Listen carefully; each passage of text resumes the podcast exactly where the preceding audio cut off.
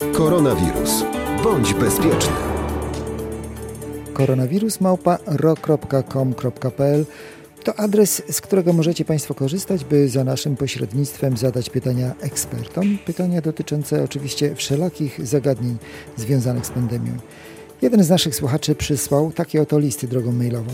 Pośród potoku wielu informacji, zwłaszcza tych, które podajecie Państwo słuchaczom, związanych ze skutkami działania patogenu, może warto zaprosić do wystąpienia lekarza specjalistę, by wyjaśnił od podstaw, jakie skutki niesie koronawirus, co dzieje się w organizmie pod wpływem jego działania. Choroby współistniejące? To przepraszam, jakie? Pytanie te przekazałem dr Mironie Flisiakowskiej-Wilczek, która jest lekarzem chorób wewnętrznych i wojewódzkim konsultantem w dziedzinie medycyny rodzinnej. Koronawirus SARS-CoV-2 jest wirusem typowo oddechowym. On początkowo wywołuje mm, takie objawy podobne do grypy, które mogą mieć różne nasilenie, mogą być bardzo łagodne przeziębienia, a może być to ciężka niewydolność oddechowa. Ten wirus czasami jest nazywany bezwzględnym pasożytem komórkowym. Dlaczego? W momencie, kiedy wirus wnika do organizmu, a wnika przez drogi oddechowe, nos, gardło najczęściej, może dostać się też przez oczy, on docelowo wchodzi do komórki. W momencie, kiedy dostaje się do komórki, uwalnia RNA i z kolei to pozwala na produkcję takich białek, które hamują układ odpornościowy naszego organizmu i przez to dochodzi do namnażania nawet milionów kolejnych kopii wirusa z jednej zaatakowanej komórki. Niestety skutkiem tego ataku, oprócz tego, że pozwala produkować, wytwarzać nowe kolejne wirusy, jest uszkodzenie tej komórki, aż nawet do jej zabicia.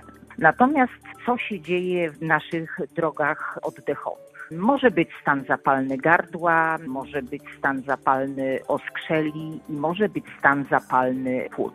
W momencie, kiedy infekcja i wirus dochodzi do płuc, może dojść do uszkodzenia pęcherzyków płucnych, a jeżeli zostają uszkodzone pęcherzyki płucne, no to z kolei spada ich funkcja polegająca na dostarczaniu tlenu do krwi, który z kolei jest odpowiedzialny za funkcjonowanie całego naszego organizmu, a jednocześnie też uwalniania dwutlenku węgla. Dochodzi także do obrzęku i upośledzenia przepływu w drogach oddechowych, co z kolei daje gromadzenie płynu albo wydzieliny ropnej, a także obumierających komórek w płucach, co niestety jeszcze bardziej pogłębia nasze problemy z oddychaniem było pytanie, jaki jest mechanizm, jakie są skutki tego, że wirus dostanie się do organizmu. On powoduje tam zaleganie takiego gęstego śluzu, mogą ulec pogrubieniu naczynia. Nieco rzadziej dochodzi do wysięków opłucnowych i do powiększenia węzłów chłonnych. Jaki jest z kolei skutek tych wszystkich działań wirusa na nasz organizm? Oczywiście są to zapalenia płuc wirusowe, niestety często o ciężkim przebiegu. Może dojść do spadku wydolności płuc i dwóch, a nawet trzech na dwunastu pacjentów może mieć te płuca uszkodzone o 20-30%. W tych płucach dochodzi również do zwłóknienia. To jest też taki proces, który powoduje upośledzenie funkcji oddechowej płuc.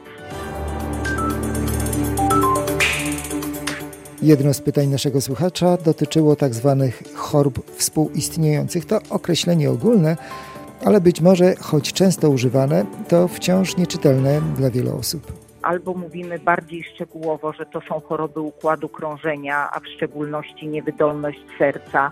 Mówimy też o nowotworach, mówimy o cukrzycy, mówimy o układzie oddechowym, o astmie, o przewlekłej obturacyjnej chorobie płuc.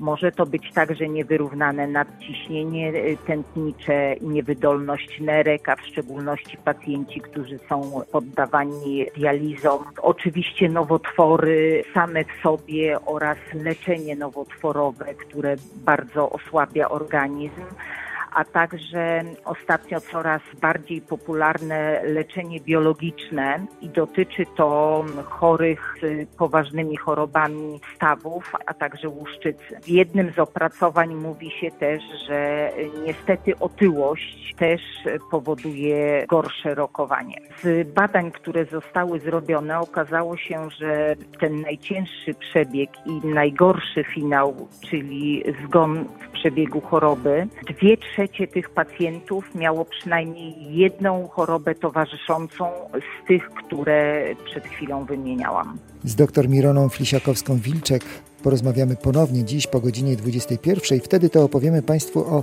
grupach krwi bardziej i mniej podatnych na wirus COVID-19. A jeśli macie Państwo jakieś pytania, czekamy na nie.